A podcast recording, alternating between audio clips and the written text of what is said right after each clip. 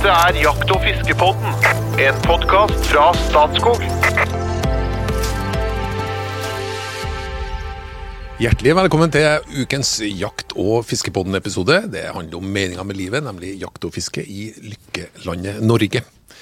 Du hører nå stemmen til Trond Gunnar Skillingstad. Til daglig så er jeg kommunikasjonssjef i Statskog, og det er Statskog som gir ut denne podkasten i et uvurderlig godt samarbeid med Norges jeger- og fiskeforbund.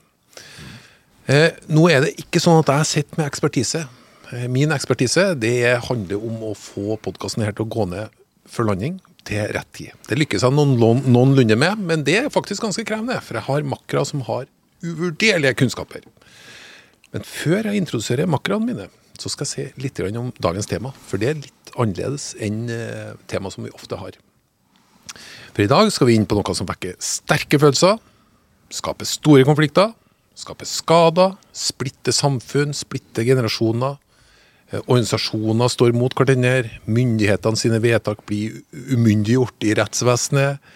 Eh, Det er internasjonale avtaler og mer eller mindre, mindre klare stortingsvedtak. Og vi snakker om internasjonal politikk. Altså, vi skal inn på forvaltning av ulv. Og faktisk i dag så skal vi inn egentlig enda mer på sjølve ulvejakta. Vi skal, vi skal, Diskusjonene havner ofte i en sånn hengemyr når vi snakker om ulv. Og det er veldig sånn sterke følelser. Men eh, i podkastens eh, gode tradisjon så skal vi snakke om ulv med innestemme, også i dag. Og vi har jeg vet vi har veldig nyanserte eksperter med oss eh, i dag. En av dem var faktisk med på årets uh, ulvejakt.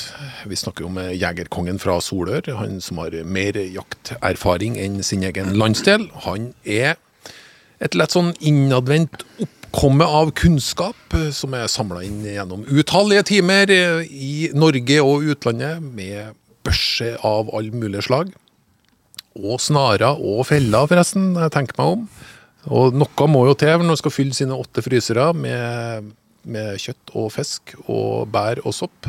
Så, men midt mellom alle de slagene, og gjerne på nattestid, så har han lest seg opp sånn at han var i stand til å ta en doktorgrad i rypeforvaltning. Vi snakker om mann som helst bare vil jakte, og lykkes ganske godt med det, vil jeg si. Men han eh, får også tid til litt annet. Vår egen eh, rypedoktor eh, og fagsjefen i Statskog, hjertelig velkommen, Jo Inge Bresjeberget. Ja, tusen takk. Det var litt lang introduksjon i dag. Ja, det var da så lite. Ja, ja du syns det, ja. Du, du syns såpass burde det være? Men eh, jeg glir rett over til min andre ekspert, som ikke er så ivrig på å forberede seg. Men ja, jeg har en mistanke om hvorfor. Fordi at jeg tror du finner det veldig veldig, veldig utfordrende å få kasta sånn problemstillinga på deg, og så begynne å tenke fritt og analysere rundt det. Men eh, en skarp hjerne, eventyrlige verbale evner. Han, En gang i tida så juksa han seg til en jobb i Norges Jeger og Fisk, og så har han tviholdt på stillinga senere. Ja, det er sant. Aldri snudd seg tilbake. Vi snakker om kokken, forfatteren, fluefiskeren og bluesgitaristen. Sjølveste informasjonssjefen i Norges Jeger og podkastens egen kunstnersjel. Hjertelig velkommen, eh, Espen Farstad. Tusen takk skal du ha. Jeg synes det var godt oppsummert. Ja, ikke sant? Juks og fanteri fra ende til annen, og leik og moro. Men det, for, eh, for eh, tidligere lyttere har hørt, hørt historien. Nye lyttere og seere på Naturkanalen. Kan du bare se litt noe, Jeg forteller at du juksa etter jobben. Hva var det som skjedde? Nei, det var, Jeg, jeg jobba i Asker kommune, og så er det jo sånn at uh, hovedkontoret til uh, Norges Jeger og Fiskemenn ligger jo faktisk i Asker. Det er jo helt tilfeldig, men det, kontoret ligger der. Og så lyste de ut en stilling. og det var bare, Jeg hadde så lyst på den jobben. Altså, Jeg tenkte er det mulig? Jeg må bare ha den jobben. Så jeg, så jeg søkte jo, da. Og så sto det i søknaden at uh, du måtte kunne eh, tekstbehandling. For det dette er jo så lenge siden at det var jo i datamaskinens spede barndom. ikke sant? Så du må kunne, te kunne tekstbehandling. Det kunne ikke jeg. Det kan jeg bare si. Jeg ringte til en kamerat av meg og sa at uh, han drev litt med data da. Og spurte, og så sier han bare si at du kan Word perfect, så det er greit, sier han. Ja, men jeg kan jo ikke det, sier jeg. Men det skal du drite i, sa for Det skal jeg hjelpe deg med. Og så, så sa jeg jo det, da. Og det var jo helt riktig for dem som intervjua meg. De kunne det jo i hvert fall ikke. For det, det var noe helt sikkert. Og så sa jeg jo at jeg dreiv med alt mulig rart, liksom. Jeg, jeg lot det skinne igjennom at jeg var en dreven jeger. Det hadde jo ikke tatt jegerprøven engang. Jeg drev med fjellklatring, husker jeg, og et par andre ting. Det var, jeg var i det hele tatt ganske attraktiv, tror jeg, på arbeidsmarkedet. Fikk jobben, da. Og har som du sagt biter meg fast, og har ikke sluppet taket ennå. Det er 32 år siden, vet du. Ja, så det, ja da. Trives godt da, som du skjønner. Ja, nei, jeg tror Det var etter jobben. Ja, Det var ingen tvil om det. da. Ja, det vil jeg absolutt si. Ja. Absolutt si. Nei, I dag så skal vi som sagt inn på et litt vanskelig tema. Eh, Men som, eh, for å bare starte eh, sånn som jeg liker best. Ulvejakt. Hot or not? Ja, det, jeg må jo si hot, da. Eh, Det er nok ikke favorittjakta mi, men jeg må si hot, ja. Altså, ja. Ja, for må- Du har vært med på jakt, for det er selve ja. ulvejakt. Sånn utøvelse av ulve, ulvejakt. Hot or not? Ja, hot. Ja.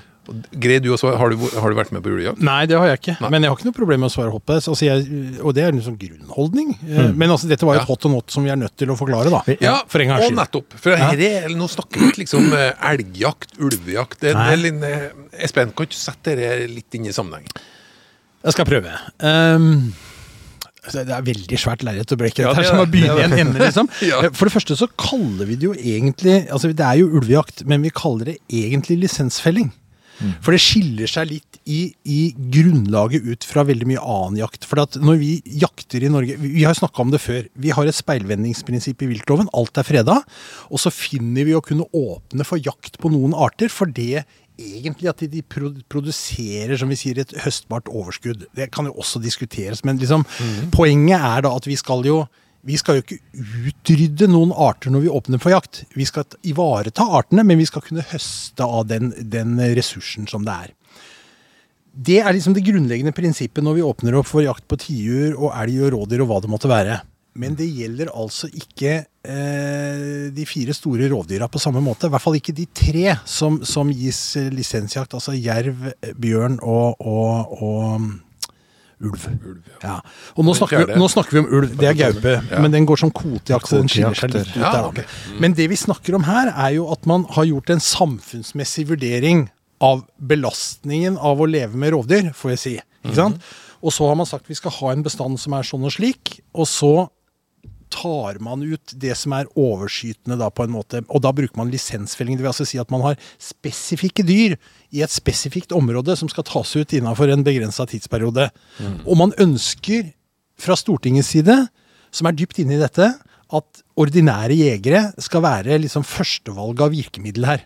Ja. Ja, for Vi ønsker ikke at Statens naturoppsyn skal, skal rusle rundt med sine litt kraftigere virkemidler, hvis ikke det er nødvendig. Og det er jo begrunna i at vi ønsker at folk skal være delaktig, de skal ha noe tilhørighet. Også, altså Skal vi leve med rovvilt, for det skal vi, det har Stortinget sagt at vi skal, så, så må vi på en måte eh, få lov til å være med i forvaltningen av det også. Det er viktig. Og det er lokal kunnskap, og det er mange ting som peker i den retning. Men altså, bare for å oppsummere, det skiller seg litt. altså Ulvejakt skiller seg fra tiurjakt ved at det er på en måte ikke høsting av et overskudd, det er mer regulering av en bestand. Ja. Ja, for å si det litt sånn rett fram. Og så har Stortinget gått inn og definert hvor stort bestandsmål vi skal ha. Og de har altså sagt fire til seks familiegrupper, ynglende familiegrupper i Norge. Hvorav tre av dem skal være helnorske. For her har- har vi jo en Ja, felles bestand. ja. Det er veldig mange om og men her. Men poenget er at de har satt en bestand som er et slags intervallmål da, mellom fire til seks.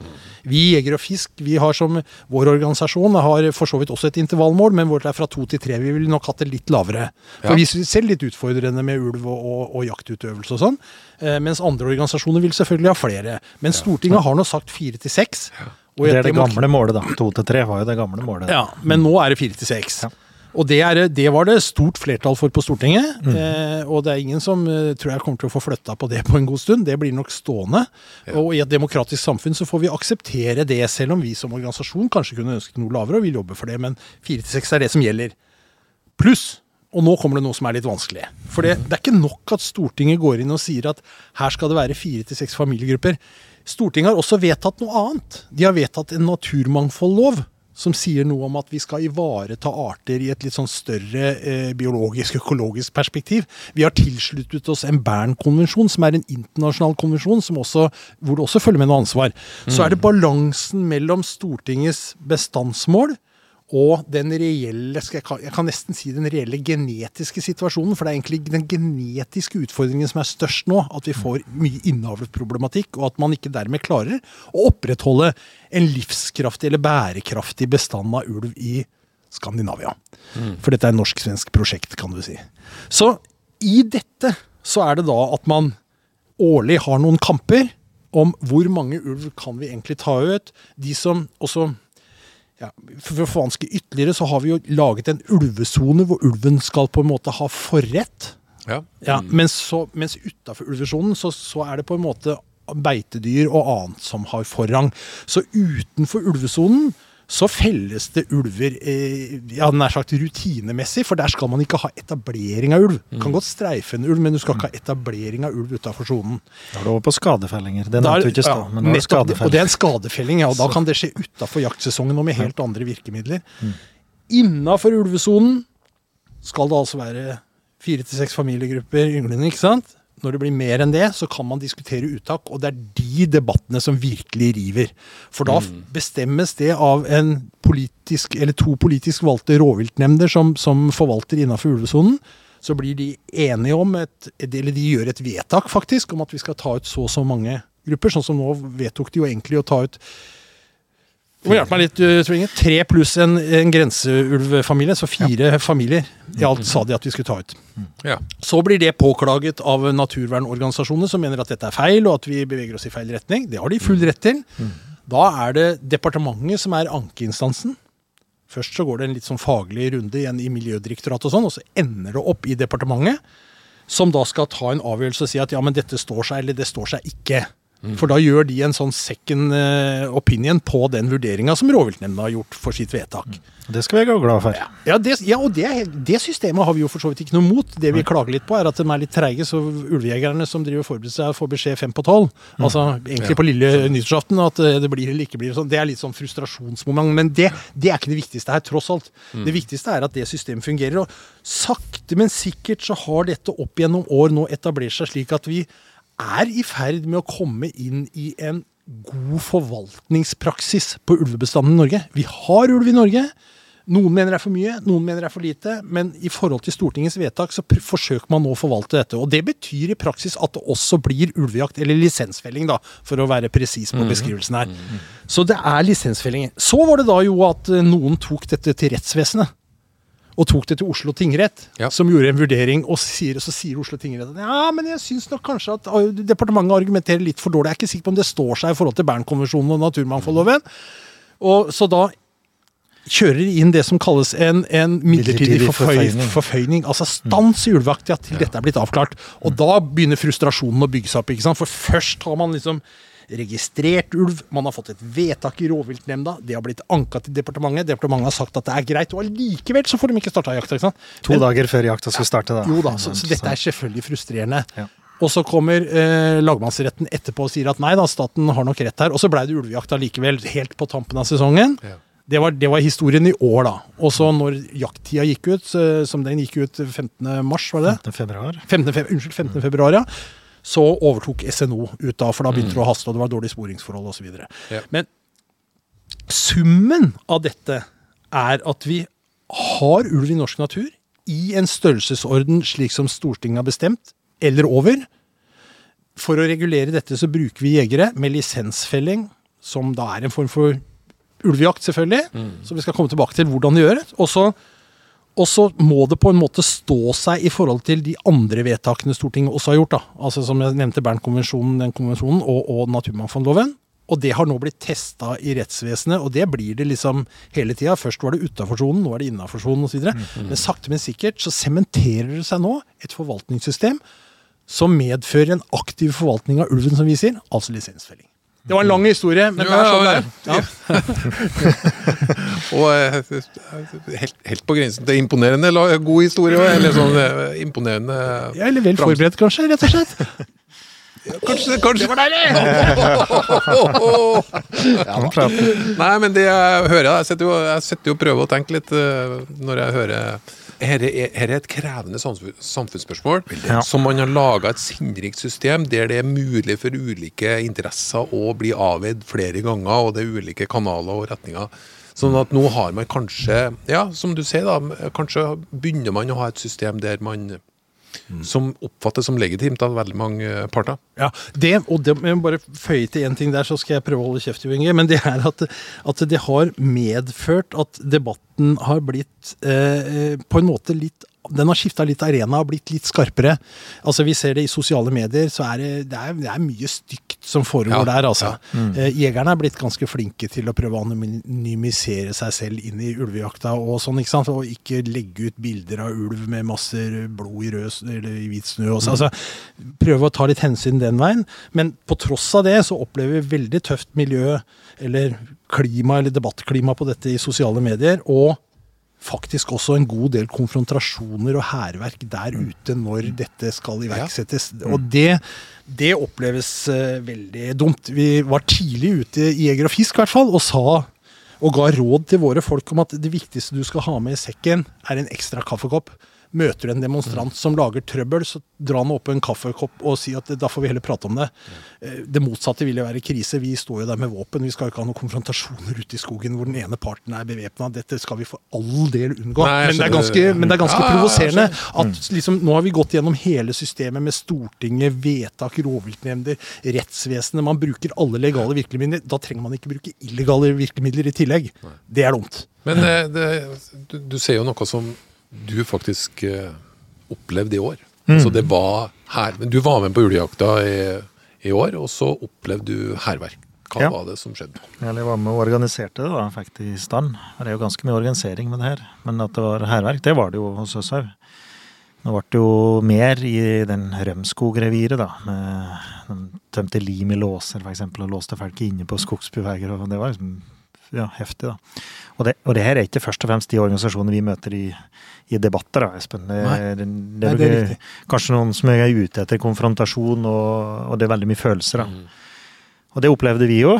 Eh, hadde ringe inn ulv i Vi bruker flaggliner, altså hadde ringe inn ulv, og så For, for, du må forklare ja, det. Ja.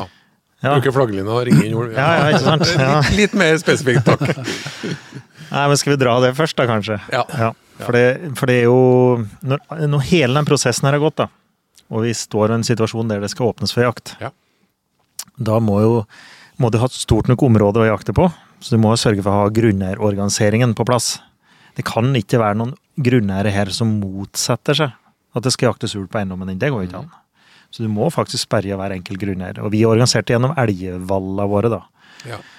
Og da har alle muligheter til å trekke ut sitt areal. Det er på en måte en, en grunnregel. Vi, vi, jo, vi har jo et rettsvesen, og vi har jo et eh, system som virker, da. Så at hvis, du, må, hvis du ikke skulle like at det skal jaktes ulv, så har du mulighet til å trekke ut ditt areal. Den, den skal ikke være med på ulvejakta, f.eks. Slik har vi gjort Var det. det mange av dem? Ingen. Ingen. nei. Så vi satt med en, eh, det reviret som vi skulle ta ut, da, Borangen, det var ca. 600 000 dekar. Og en 400, fire, mellom 400 og 500 kanskje på norsk side.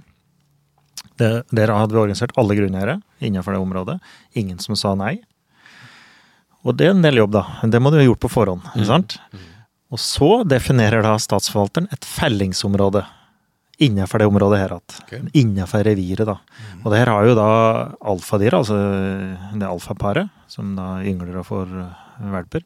De Hannene her har hatt eh, radiosender, og så sender da posisjoner da med jevn mellomrom, så det lager en yttergrense for hvor de har vært, da.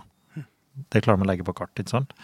Og så lager da statsforvalteren, basert på det, så lager den et fellingsområde som da er litt snevrere. For disse her ulvene her, de møter jo hverandre hele tida, og de vil jo utfordre. De er jo territorielle, så vil det jo være noen ulver som utfordrer i grensen.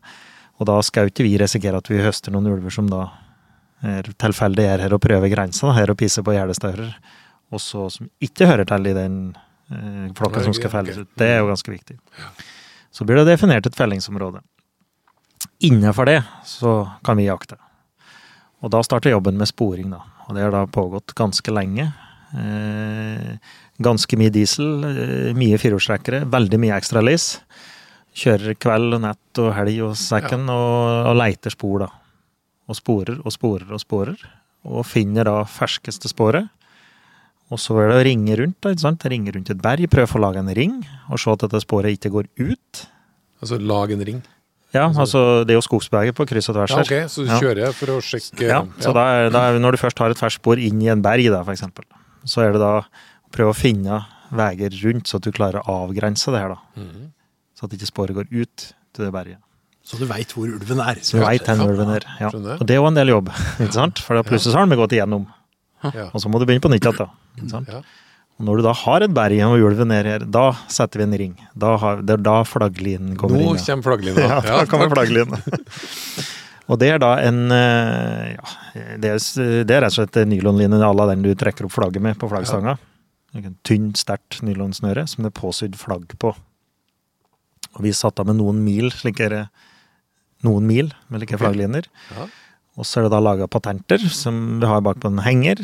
Så at en rull bak på en kabelrull bak på en henger som ruller, ruller lett, så fester du den i i ett ende. Og så kjører du på en skogsbeveg, og så ruller den der et år, da. Ja.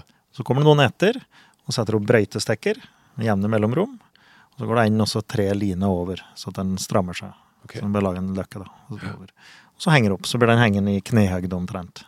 Og ulvene vil ikke krysse den. Og ulven vil helst ikke krysse den.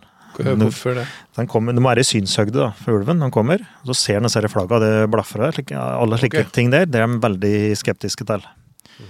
Og For de som har spåret litt ulv og sett litt ulv, så vet de at kommer de til en skogsbeveg, det er en bom på en skogsbeveg, så bruker en ganske lang tid på å vurdere om en skal gå under, hoppe over eller gå rundt. Og nesten uten utelukkende så går den rundt. Hvis en kan det. Han kommer slik og ser denne greia der, så han vil ikke gå under den. Og sjelden han hopper over det, da går han heller rundt. Hvis det er mulig å gå rundt. Og det blir det med lina. da. Når kommer han til lina, så vil han av, avvike og så gå langs med lina. da. Vil helst ikke krysse den. Og det er klart, det er jo prøvd, da. Hvis du da skal være uheldig å få et hæl i den lina, at du ikke når Hvis du ikke klarer å lage en ring, f.eks., så kan du jo tenke deg hvor ulva går ut. Ja, ja, ja. Jeg tenker også at det må være utrolig viktig med lokalkunnskap her. Altså, Ekstremt viktig. Ikke sant? Så dere Ja. bruker jo stort sett lokale jegere hele veien, da. Ja, ja. Kun lokale. Så det vi gjorde, var at vi inviterte jegere som hadde tilknytning til elglaga her. Så det var kun lokale, og som hadde vært med i å jakte elg. Og det, på no time så hadde vi ca. 300 jegere på lista da. Men når dere har, når dere har ringa inn med flaggline, Mhm. Eh, har dere da poster og driver dere noe? Hvordan eh, Ja, for da- setter du den lina da og prøver å lage den ringen så liten som mulig. Ja. Eh, Den ene ringen vår var 13 km, den andre var 15 eller noe, så det, det er jo ganske store ringer da. Da har du en 5000-7000 mål inni, inni ringen der, så det er ganske stort, stort drev, jeg da. Ja. Så er det da satt ut poster, jevnt besatt rundt denne her. Og det er klart, du klarer ikke å stå fryktelig tett, da. Men det, skal du ha 100 mann rundt denne ringen som er 13 km, så blir det jo store glepper. Ja. Så er det jo der kommer lokalkunnskapen din. Hvor er det mest sannsynlig at denne her vil prøve å bryte ut av ringen, eller komme langs med ringen. ja. Og det, det er dyktige folk som klarer å si det. Blir jo, det er jo jakt, da. Så du, du må tenke, tenke som ulven. Hen vil denne gå ut?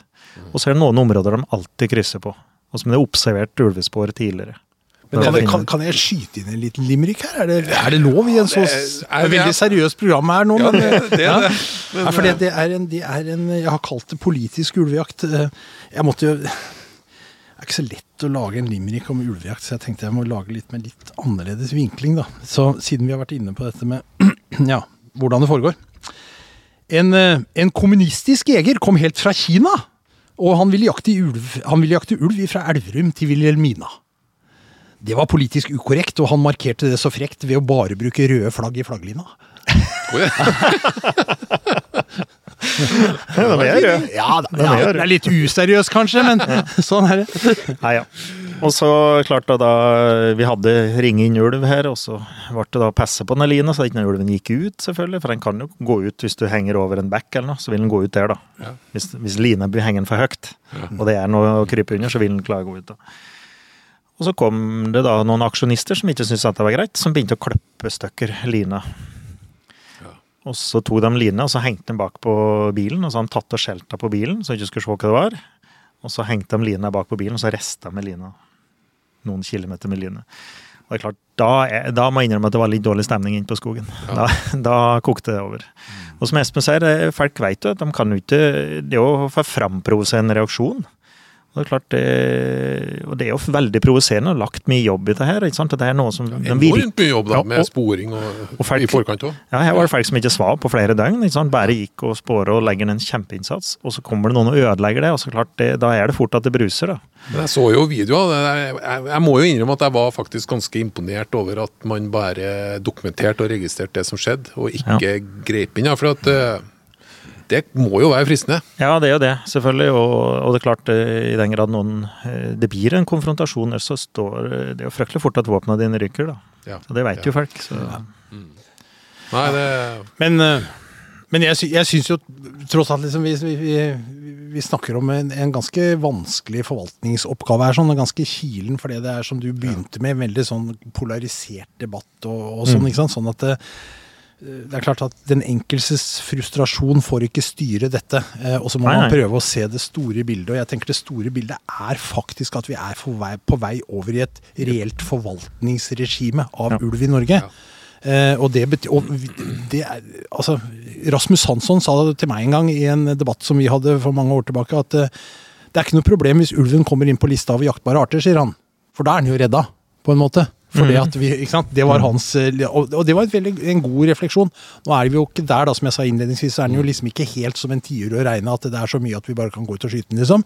Men, men vi forvalter den tross alt med det målet at vi skal ha ulv i Norge. For det har Ja, ja. Stortinget bestemt. Nei, men uansett, jeg tenker med, med den bakgrunnen der folk eh, føler at man gjør en oppgave og har over lang tid spora hvor ulven er igjen, Ja. jobber, organiserer seg, bruker utrolig mye tid på det man opplever som eh, å utføre en samfunnsoppgave, da. og så blir det utført hærverk. Mm. eh, og, og da kjenner jeg at det, det, det er greit at folk har forskjellige meninger, men jeg syns det var litt sånn Det var bra at det ikke skjedde noe. For ja. det, det er jo litt skummel situasjon å begynne å ha hærverk. Og sterke meninger. Ja, Ja. ikke sant. Men, eh, men eh, det, eh, vi, vi må begynne å gå ned for landing. Ja. Men når du har ringa inn, Mm. så sitter folk der man forventer at ulven kommer. Ja. Er det noen som driver? Og så begynner det folk å gå på de spora for Ja. å drive ulven, da, selvfølgelig. Og, og da er det jo mer enn han slik passe, passe trøkk så at ulven da faktisk eksponerer seg. da. Det er jo det som er greia. da. Den Mm. skal komme deg enten til, til ringen, og så setter du, prøver du òg å, skjære tåringen. Å sette ei postlinje f.eks. tvers over, Ok, ja, så at man blir kortere. Og så går det da typisk én til to som bitter på og så følger sporet, og så har du noen drivere som går litt ved sida av og litt bak. For Hvis han føler at du kommer etter, så vil han veldig fort prøve å skygge banen og så trekke ut bakover. da. Ja. Du, kjapt sånn praktisk. Hvilket våpen bruker du? Nei, det er jo storvilt, da, så det blir brukt av storviltrefle. da.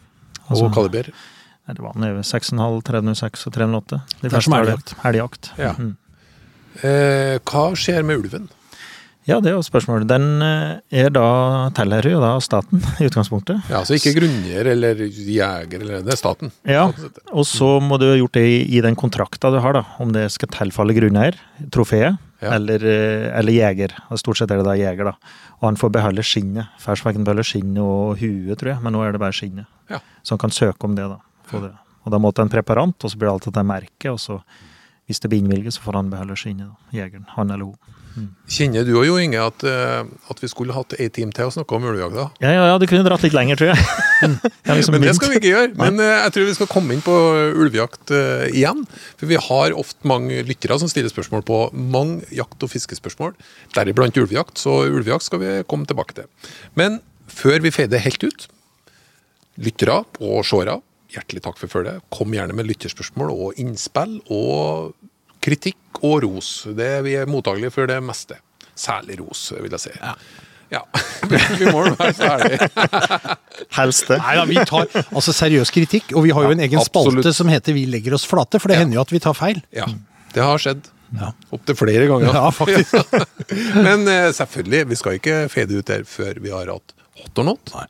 Og i dag, Espen, så Ja. skal du få lov til å starte. Takk. Wordfeud, hot or not. Hot. Ja, hot. Du vet hva det var. Ja, jeg måtte tenke meg om. Eksoslukt, hot or not. Not. Ja, det syns jeg faktisk skal være galt. ålreit. Gammel eh, veteranbil, liksom, å lufte på det. Ja, Hiuttak av jerv, hot or not. Nei, det er not, vet du. ja det er not. Kjøpesenter, hot or not. Nei, det er også not. Å, herre hjem, not, not. Caps, hot or not. Ja, det er hot. Hot. Fiske med oter, Hot or not? Ja, det kan være hot.